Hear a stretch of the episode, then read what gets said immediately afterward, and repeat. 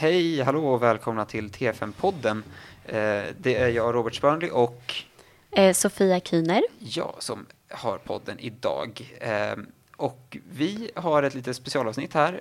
Det handlar inte om någon diagnos eller så. Vi tänkte prata lite om tentan. Mm.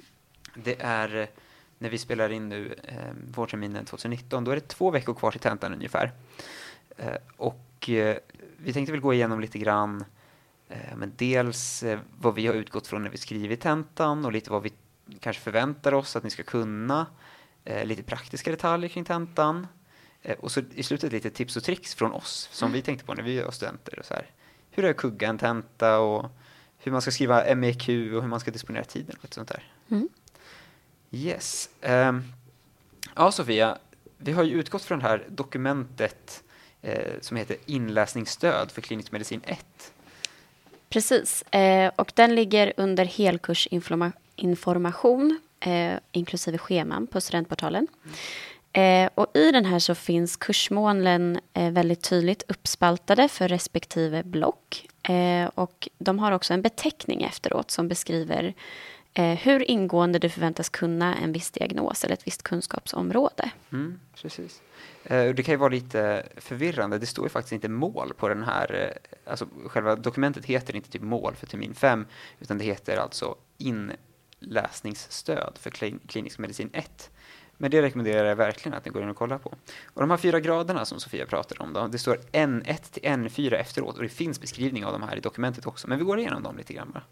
Ehm, dels så finns det N1 och till N4 för de teoretiska målen och så finns det N1 till N4 för de praktiska målen också. För nu när ni går på clean så ska man ju inte bara kunna liksom teorin bakom utan man ska även kunna utföra vissa grejer förväntas det eh, av er. Till exempel ja, men SHLR och eh, lite sånt där. Um, och om man börjar med de teoretiska kunskaperna så liksom, om, om det står en, en diagnos så står det N1 efteråt. Då innebär det att ni ska liksom känna till liksom, olika begrepp kring det här. Ni ska känna till diagnosen, att den finns. Eh, ni ska kunna identifiera den.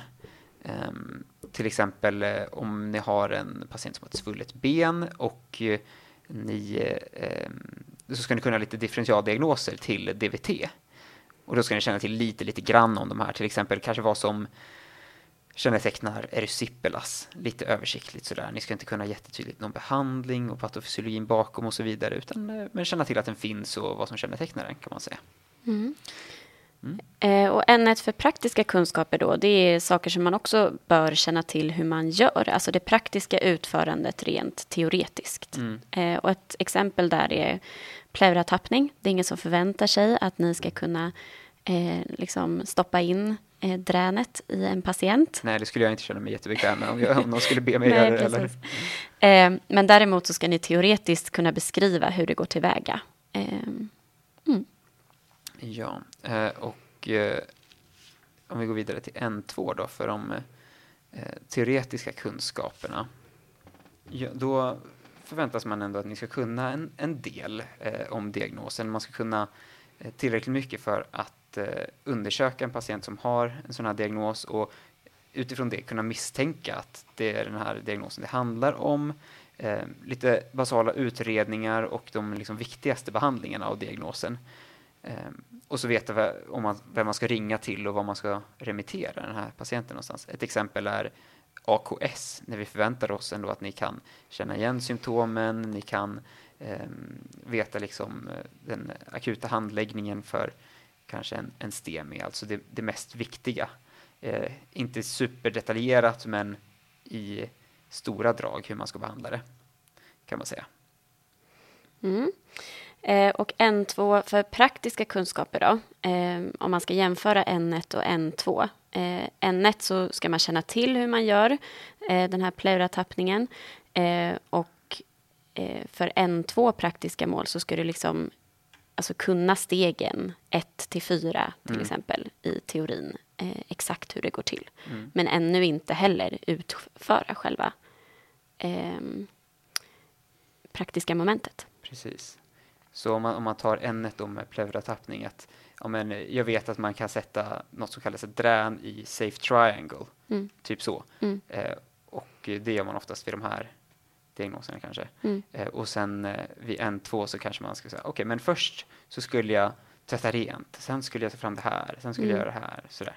Och de här grejerna måste jag fråga patienten om, typ eh, riskfaktorer innan och biverkningar och Mm. sådär.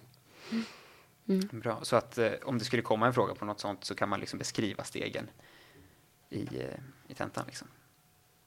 Ja, och N3 för teoretiska kunskaper då? Då, då förväntar vi oss ganska mycket av er.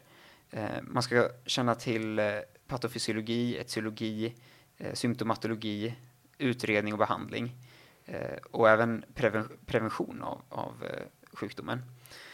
Så man skulle liksom i princip kunna anlägga en sån patient på akuten, eh, teoretiskt. Och det är ganska höga krav egentligen. Vi förväntar oss att ni kan ändå en hel del om det här. Exempel på sådana diagnoser som det står N3 efter är aortadissektion, stroke, eh, DVT, lungemboli. Eh, och det är ju saker som egentligen, det kommer liksom inte tillbaks på den här nivån på resten av läkarprogrammet egentligen. Så det, det, det ska ni kunna från, från och med nu kan man säga. Så eh, där har vi ganska höga krav ändå. Så läs på dem ordentligt. Ja, och om man ska bara koppla tillbaka till patofysiologin och sådär, det blir ju ganska mycket preklin. Ja, Ehm, och det är väl ett viktigt sån där eh, take home message här kanske, att preklin är inte över. Nej, det precis. följer med oss hela tiden. Ehm, att det kan vara fortsatt bra att hålla reda på liksom, eh, artärernas olika, eh, liksom, eh, vad heter det, intima och media och liksom sådana grejer för att förstå vart sker dissektionen precis. och varför uppstår det här och liksom så. Så egentligen, eh, som så, alltså fysiologin och anatomin är ju, är ju det från preklin som ni egentligen förväntas kunna redan. Mm. Eh, så om man känner sig lite ringrostig på det så kan det vara värt att, repetera det. Och sen där patofysiologin kommer ju in nu på klin. Mm. Att man eh, liksom förstår vad som går fel i den normala anatomin och fysiologin vid olika sjukdomar. Mm. Eh, men det kräver ju då att man har den grundläggande kunskapen om fysiologi och anatomi först. Ja, och en grej där kanske är bra att komma ihåg och flagga lite för är också eh, typ prover vi tar och sådana saker och EKG, att teoretiskt kunna liksom resonera kring de här eh, utredningarna vi gör och liksom eh, vilka patofysiologiska mekanismer som ligger bakom. Ta till exempel en CRP-stegring eller Mm. sådana grejer. Precis.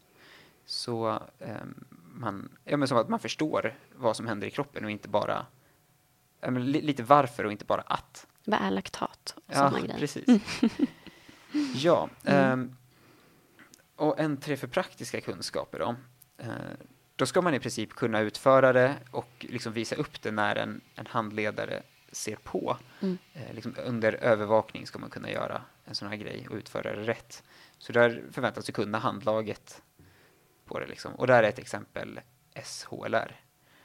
Ja, och eh, N4 då. Eh, ja, det är alltså högsta nivån. Eh, och då ska man ha så pass djup, kunskap att man ska kunna lära ut sin kunskap till andra. Just det. Och det, det är ju vår kunskap då. Det är vårt jobb. Ja, Ja. precis. Nej, men det finns ingen sån eh, N4 för de teoretiska målen i kursen egentligen. Så den nivån är, finns det ingen förväntan på att ni ska ha. Men Det kommer i senare terminer. det kommer i senare terminer, precis. Mm. Och samma sak med de praktiska. Där finns det nog några som, som är N4 eh, för de praktiska kunskaperna. Jag tror till exempel tork artärgas är en sån. Mm. Eh, lite märkligt att det är en praktisk kunskap egentligen, ganska teoretiskt. Ja, Men man gör det ju ofta on the fly på, på kliniken. Liksom. Så Ja. det är lite praktiskt på något vis. och det ingår väl där också då att ta artärgasen Mm, just det. som ändå blir ett praktiskt moment. Man ska kunna utföra det självständigt efteråt. Så Mm. i princip eh, på eget bevåg och ansvar. Mm. Alltså så länge ni är studenter så har ni ju inte något medicinskt ansvar egentligen, men ni förväntas ändå kunna det här nu. Mm. Men, och det viktiga med de här målen är ju att det är inte bara kanske tentan utan det kommer ju på alla examinationer. Mm. Ehm, Så även på ABCDE-examinationen Mm. eh, så förväntas ni ju kunna tolka artärgaser och eh, ha de här ehm, eh, N1 till N4, de förväntningarna kvarstår. Liksom. Mm, ja, precis. Mm. Ja. Eh, här har vi ett exempel här, till exempel synkope som har beteckningen N3. Och där eh, tycker väl jag att man ska kunna differentiera mellan de olika typerna av synkope, alltså neurogen, kardiell, ortostatisk. Eh, så här, vad i en anamnes talar för respektive diagnos? Hur ska man utreda de olika? Hur farliga är de? Eh, vad är akut att göra? Vad är mindre akut att göra? Vad kan ske polikliniskt? Vad måste ske nu? Ehm, hur behandlar man? Vad beror det på? Beskriva mekanismerna bakom. Mm. Ehm, och, sådär. och sen så just det här preventiva också. Att hur, hur förhindrar man att det här sker igen? Mm. Ehm, och samma sak kanske med stroke och TIA och sådär. Så att hur hur eh, förebygger man ett, ett återfall? Liksom. Mm. Bra. Okej. Eh, så som ni hör så är det ganska mycket man ska kunna för N3. Eh, om vi tar ett exempel för N2 eh, så ska man till exempel inte kunna eh, etiologi eller liksom någon djup patofysiologi men ändå tillräckligt för att liksom kunna förstå eh, diagnosen. Mm. Eh, och det är också rimligt att kunna liksom de viktigaste åtgärderna eh, på till exempel akut koronart syndrom. Då. Ni bör kunna skilja mellan akut koronart syndrom mot andra differentialdiagnoser vid bröstsmärta. Eh, och även förstå då liksom hur de olika akuta koronara syndromen, hur skiljer sig behandlingen och varför. Mm. Precis. Mm. Eh, och som sagt, glöm inte de praktiska kunskaperna. Bara för att det är liksom en skriftlig tenta så betyder det inte att man inte kan eh, examineras på liksom praktiska kunskaper. Som vi sa tidigare så ska man ju kunna beskriva en, en sån här praktisk kunskap till exempel och, och hur den utförs. Liksom. Mm. Mm. Och vi har ju haft det lite som mål också när vi skrev akutdelen av tentan. Att Mm. det ska vara eh, att man ska testas ganska brett. Ja. Liksom, både på rent teoretiska och rent praktiska Precis. delar. Precis. Och eh, vi har liksom utgått från de här eh, diagnoserna, det, det här dokumentet egentligen som vi pratade om när vi eh, gjorde tentan. Så vi liksom tittat på vad förväntas de kunna och eh, hur testar vi det på bästa sätt. Mm. Och det gäller ju då för alla block. Mm. Ehm, och en sån här take home message där är kanske att ja, men vi har inte enbart utgått från föreläsningar ni har fått utan det här kan vara eh, saker som kommit från fall eller från eh, seminarier eller som liksom står med men som inte erbjuds någon katedral eller eh, liksom lärarhandledd undervisning på utan som ni förväntas läsa in själva. Precis. Så liksom, alltså ett stort tips generellt på de kliniska terminerna tycker jag det är att alltså, utgå från målen snarare än från föreläsningar. För jag vet liksom ett vanligt, vanligt sätt att plugga på, eh, speciellt på preklin, var att man gick igenom alla föreläsningar och Mm. lärde sig det i princip utan till Mm. eh, så gott man kunde. Mm. Och eh, eftersom att det var föreläsarna då som skrev tentan så tog de ju ofta någonting som de hade föreläst om och, och Mm. skrev en tentafråga på. Men här kan det liksom, det behöver inte alls vara något som har kommit på just en föreläsning. Ehm, och vi kan väl prata lite mer om hur vi har gjort när vi har gjort tentan. Mm. Alla respektive liksom ansvariga för de olika blocken har skrivit sina tentafrågor. Ehm, och sen har vi haft en gemensam tentakonferens där vi har gått igenom varandras eh, tentafrågor Mm. ehm, och givit feedback och försökt att liksom, eh, korrigera ord som skulle kunna eh, vara svåra att tolka frågan ehm, och liksom förebygga oklarheter. Precis.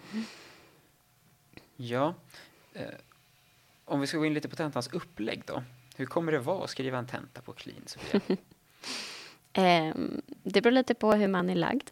Mm. Antingen så kan det gå väldigt, väldigt fort Mm. eh, och eh, kännas ganska lätt om det är den typen av tentaform som passar en. Eh, om det inte är det eh, så kan det ta de här sex timmarna som ni har på er. Mm. Eh, och inget är fel, inget är rätt. Precis. Eller Så- allt är rätt. Ja.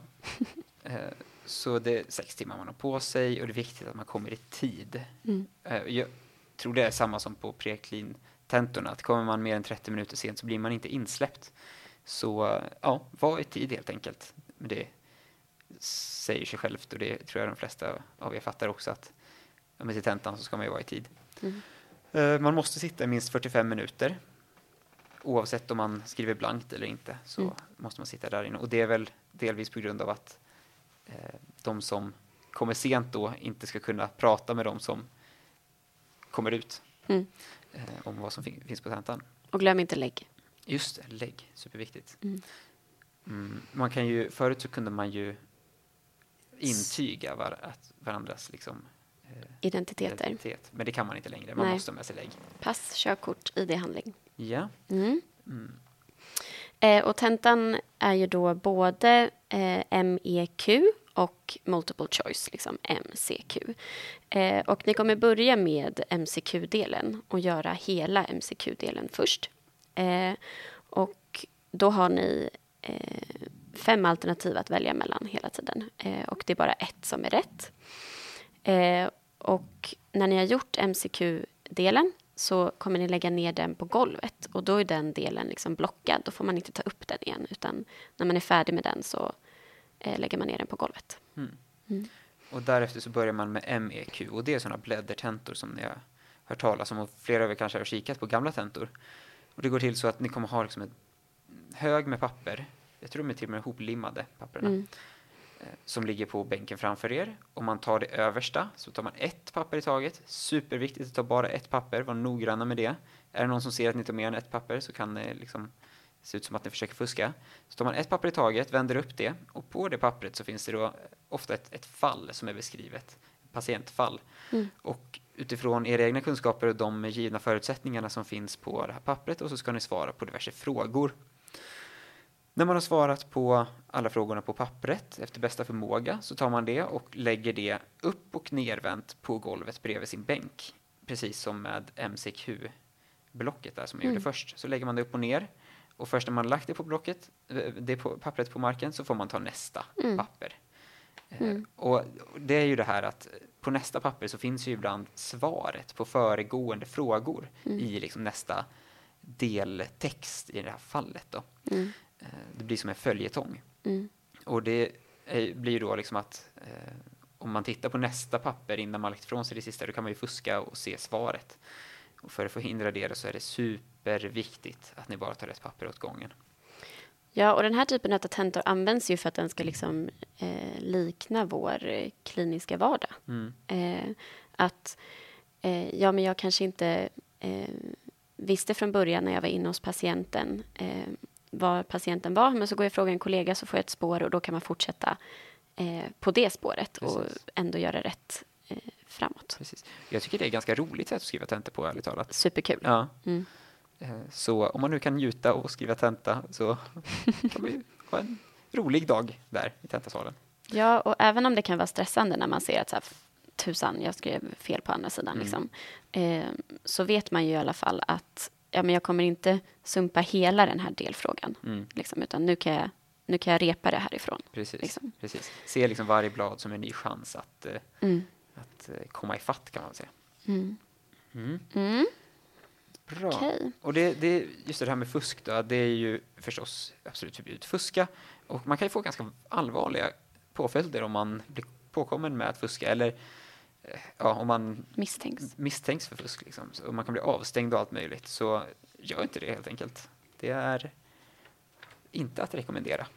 Nej, Och inte riktigt etiskt försvarbart kanske. Nej. Ehm, men under tentans gång eh, så kommer det finnas, eh, någon av oss klassar kommer vara där och sen så kommer eh, dessutom Marianne vara där eh, så att vi ska kunna svara på frågor om det är någonting oklart. oklart. Eh, så räcker liksom bara upp handen då eh, och så hjälper vi er så mycket tentan tillåter. Mm, Liksom. precis. Vi är inte där för att ge något svar. Nej. Ehm, Sen så var det lite det här med resultat. Det kommer ju ske en tentautlämning och då Mm. får man gå upp till Marianne som delar ut tentorna. Mm, eller så kommer hon förbi deras föreläsning. Ja, det har varit lite olika. Ja. Mm. Eh, Men hur, hur som helst, så om man har fått underkänt på tentan så kommer man få en kopia av tentan ut, utlämnad. Mm. Eh, Och eh, sen är det här med överklaga resultat. Man har rätt att få en motivering till varför en examinator har rättat på ett visst sätt om man vill det. Mm. Ehm, Men eh, man, och, och om man vill liksom överklaga då en viss rättning så om man säger att man inte har fått underkänt då, men man vill rättas upp i alla fall, då får man be om en kopia på tentan så man får ut den. Mm. Ehm, och sen så får man ta det via Marianne. Marianne helt ja. enkelt. Att, och så får man väl titta på det där en gång till helt enkelt. Mm. Ehm, ja, Mm. det var väl egentligen det praktiska. Precis. Lite juridiskt och Mm. lite... Ska vi gå igenom lite vad, hur vi har eh, gjort när vi skriver tentor och sådär? Mm. Ja, har du några tips som du kan komma med? Ehm, ja, alltså... jag hade alltid en ganska aggressiv approach till tentorna. Mm. Att jag körde väldigt fort. Jag var Mm. ofta en av de första ut Okej. ehm, genom salen. Liksom. Så att en sån här grej, om man eh, är lagd åt det hållet, eh, kan ju vara då att eh, sakta ner. För att det har hänt absolut att jag har fått eh, väldigt mycket slarvfel. Mm. En fördel är ju liksom att ja, men jag överanalyserar inte, jag tänker inte liksom Mm. eh, eh, och eh, skriver, hade först skrivit rätt svar och sen så rättade jag mig till att ha skrivit fel svar. Ja, Utan det är en klassiker. Eh, men däremot att unna sig själv, framförallt på MCQ kanske, att liksom backa och bara kolla igenom alla Mm. svar igen. Mm. Eh, var väl en ganska stor lärdom för mig genom terminerna. Precis. Och läs igenom frågorna flera gånger skulle jag vilja säga. Mm. Eh, så att man inte missar någonting. Ibland kan det stå så här, nämn en eller Mm. nämn tre eller något sånt där. Och så har man missuppfattat det och nämnt för få eller för många till exempel. Mm. Ehm, och jag, jag var nog lite långsammare tror jag. Jag var nog en av de senare att gå. Jag var nog aldrig sist liksom så, men jag skrev nog ganska långsamt. Ehm, och satt där och svettades lite grann. Men eh, jag tror alltid att jag eh, försökte, när jag hade skrivit klart liksom ett papper, Mm. så försökte jag eh, liksom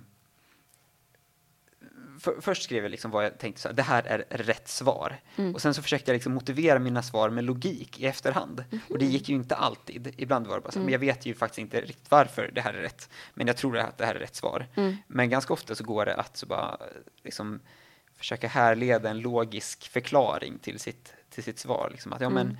just det, jag svarade att eh, det här är rätt behandling och det är det ju på grund av det här och det här. Mm. Och det är rimligt liksom.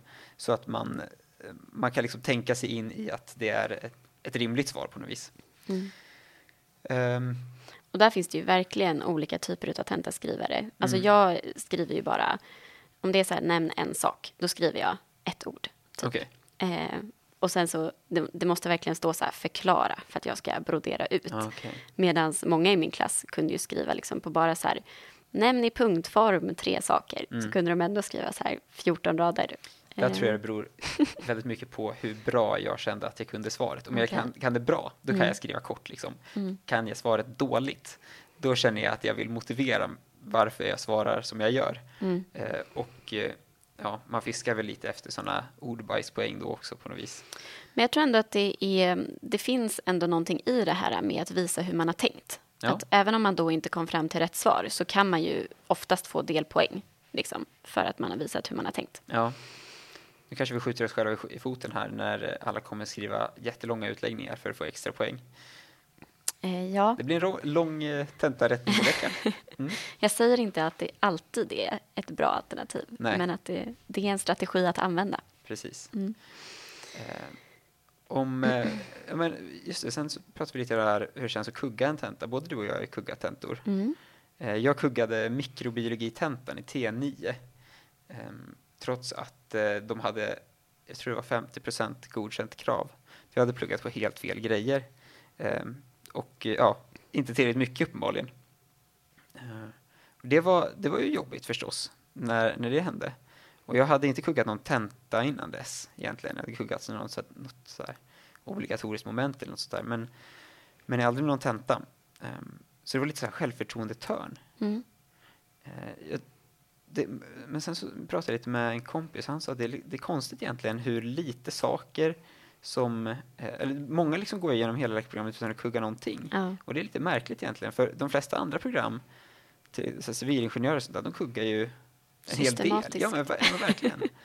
Ehm, Ja. Men det, och du sa också på KI att det är mer, att man kuggar mer liksom. Ja, alltså jag har fått uppfattningen där av vänner och liksom så att eh, det är vanligare liksom att ja, men alla har kuggat någonting någon Ja, gång. ja. Eh, och jag tror att vi... Ja, men, alltså det, det finns ju någon så här, eh, sagt någon gång, eller jag har hört någon gång i alla fall, jag tror att det var på onkologen, de pratade om att det finns liksom ett mål, eh, en bra tenta, då kuggar 10 procent. Okej. Eller något sånt där. Ja. Eh, någonting som man inte riktigt pratat om, eller pratar om, men som ändå figurerar. Ehm, och att ehm, det... Men vi kanske tillsammans som grupp läkarstudenter på, i Uppsala måste bli ehm, bättre på att eh, prata högt om att kugga Ja. Ehm, och liksom våga prata om det. Ehm, och sen också att så här, ja, men, eh, det är okej att kugga. Absolut. Vi vill ha ett läkarprogram där vi fostrar bra läkare liksom, och då måste vi ibland liksom, ehm, sätta en hög gräns för vad som ska kunnas. Mm. Liksom. Och det kan vara allt möjligt som kommer emellan där. Livet och att just jag fattar inte just det här eller den där handledaren eller den här läraren funkar inte med mig. Ja, Liksom. det finns många anledningar till att man skulle kunna kugga. Liksom. Precis. Och man kan inte liksom alltid eh, lyckas med allting heller. Och det, alltså, jag tror att det där kommer för olika människor i olika delar av livet. Vissa Mm. liksom stöter på den där väggen i gymnasiet, andra på universitetet och vissa kanske i arbetslivet och sådär. Men eh, förr eller senare så kommer man till det där att så här, nej men nu gick det faktiskt inte vägen. Mm. Så här, jag klarade inte av det här. Och det är okej. Det Ja. händer alla. Verkligen. Jag är lite klyschigt tacksam över att jag har kuggat. Ja, jag skulle nog också säga det. Jag känner mig lite, blivit ödmjuk Ja, men, av precis. det. Alltså, Precis. eller för det som hände för mig var liksom att eh, jag kuggade eh, och jag fick reda på det liksom i en miljö där jag var med massa andra människor som också hade skrivit den här tentan. Liksom. Eh, och jag hade liksom där fem minuter där jag var så här, gud, ska jag, ska jag erkänna det här nu? Det här nederlaget som det ändå kändes som för mig. Eh, och eh, så gjorde jag det och, så, och då brottades jag ju liksom med ja, men kanske tre saker. Dels här, ett, att låta mig själv vara ledsen och besviken på mig själv. Ehm, dels att eh, liksom hur andra reagerade på det. Att jag berättade att jag hade kuggat, för vissa var ju verkligen så här, men, men åh nej, vad jobbigt. Och andra var så här, va? Nej, du måste överklaga. Alltså så här, det fanns väldigt många reaktioner från omgivningen. Ja. Ehm, och sen också då att som tredje steg att ändå så här, gå tillbaka till och säga, men vad var det som jag inte kunde? Och vad var det som gick fel här? Mm. Liksom, varför har jag kuggat? Mm. Eh, och inte bryta ner sig till att säga, ja men jag är världens sämsta. Eh, jag kommer aldrig bli en bra läkare. Mm. För det handlar det ju väldigt sällan om. Ja, nej, verkligen. Mm. Alltså, för jag hade ändå inte riktigt samma som du, att det var bland massa människor, men jag kommer ihåg min kompis skrev något sms i samband med att vi fick tentaresultaten tillbaks och så skrev hon så här att eh, haha, såg du, de hade bara 50% godkänt gräns. Gud vad skönt. Jag bara så här, jag kuggade i alla fall. Och hon Mm. bara, oj, eh, ursäkta. Eh, men, men jag var nog ganska, eller jag tror jag liksom antog den ställningen ganska snabbt. Att jag var så här, ganska öppen med att jag kuggade och bara, oj då, nu gick det snett, det får jag göra om. Mm. Eh, och försökte, försökte verkligen ta det med en klackspark och jobbade ganska aktivt med att, att, eh, att, att tänka på att det inte var hela världen. Mm. Så att eh, jag inte skulle liksom må, må för dåligt över det. Mm. Ja, men, och när man kommer till det här steget att man till slut kan kanske lämna sorgen och besvikelsen bakom sig, eller vad man ska säga, eh, och börja problemlösa vad gick fel, Ja. eh, så tycker jag ändå att det här med att be om en motivering från den som har rättat, Ja. eh, utnyttja den Ja, möjligheten men ver- verkligen. eh, och få feedback, eller vad man ska säga, Ja, ja. återkoppling. Vad hade jag kunnat gjort annorlunda? Precis. Och, ja, precis. Alltså antingen kan det vara att man tycker att, men jag tycker verkligen att jag har svarat rätt på det Mm. här och eh, jag, jag måste få förklarat för mig här så att jag kan eh, liksom för, förbättra mig Mm. eller liksom ifrågasätta din, din rättning. Mm. Kan det också vara liksom så. Men, men kanske främst för att, för att man ska få ett tillfälle att lära sig hur man ska göra bättre nästa gång. Ja, och både så här, lära sig teoretisk kunskap, men sen också lära sig det här hantverket som det är att skriva en tenta. Mm. Alltså mektentor är... Alltså det blir lättare och lättare med, med antalet mektentor man skriver, tycker Mm, Absolut. jag. Eh, för att man börjar känna igen typen av frågor och liksom så. Mm. Mm.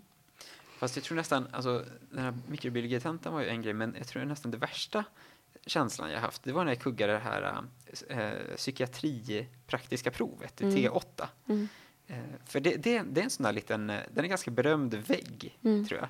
För det, det är en sån där, mycket på läkarprogrammet tycker jag har varit så här, "Ah, ja men det här praktiska momentet, det klarar alla liksom. Mm. Eh, Men det här uh, psykiatri praktiska provet, det var ändå lite känt för att ganska många blev kuggade på, äh, förhållandevis många då.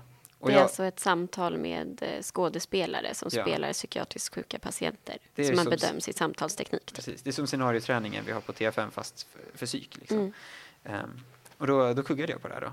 Och uh, min första reaktion, det, det var inte riktigt så här five stages of grief, men li, lite så. Först det var så här att jag bara blev sur på Mia Ramklint för att hon hade kuggat mig. Mm. Eh, och sen eh, nästa var så här förnekelse. Jag gick ut därifrån och var bara så himla eh, bara, nej men det här, det här var ju det här är sjukt, det här är helt, helt fel. Jag gjorde ju ett jättebra jobb. Mm. Typ.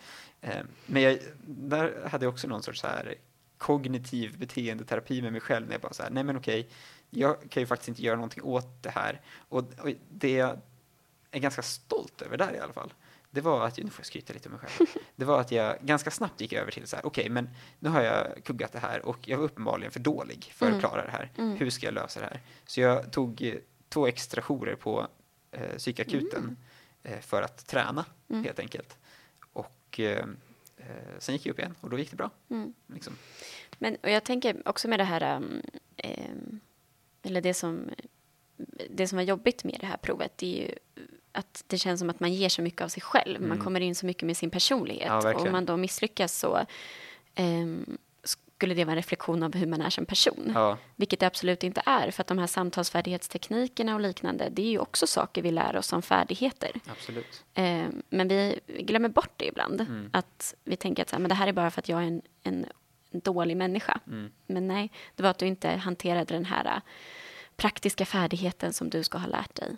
Precis, så. och det tycker jag ganska, alltså, jag tyckte mig känna det på läkarprogrammet i alla fall ibland, att när det gällde praktiska grejer så var folk lite så här, ja men du klarar det bara du är en rimlig person mm. typ. Mm. Men alltså, det är inte alls på det sättet, liksom. det är inte det som testas. Vi testar inte om ni är rimliga personer privat i, i praktiska eh, examinationer, utan man testar liksom hur bra ni har lärt er stoffet på kursen mm. och tillämpar det i en, i en praktisk miljö. Mm. Eh, så det är liksom, man testar ju absolut inte det här som det sägs, eller som det ryktas att man testar. Om så här, hur bra man är på, hur trevlig man är mot patienten, Nej. eller hur, hur eh, liksom, eh, Bra man är på att prata med sina kollegor. Ja, men typ. precis, hur socialt kompetent man är. Det är absolut Nej. inte det som testas. Och det blir väldigt tydligt typ i så här, ABCD scenarioträningen med CRM. Mm. Att där är det ju ganska stela kommunikationsverktyg som ja. inte riktigt ingår i vanlig dynamik mellan privatpersoner. Nej, typ close loops. Ja, verkligen. Det är eh, lite styltigt liksom. Och det är ju liksom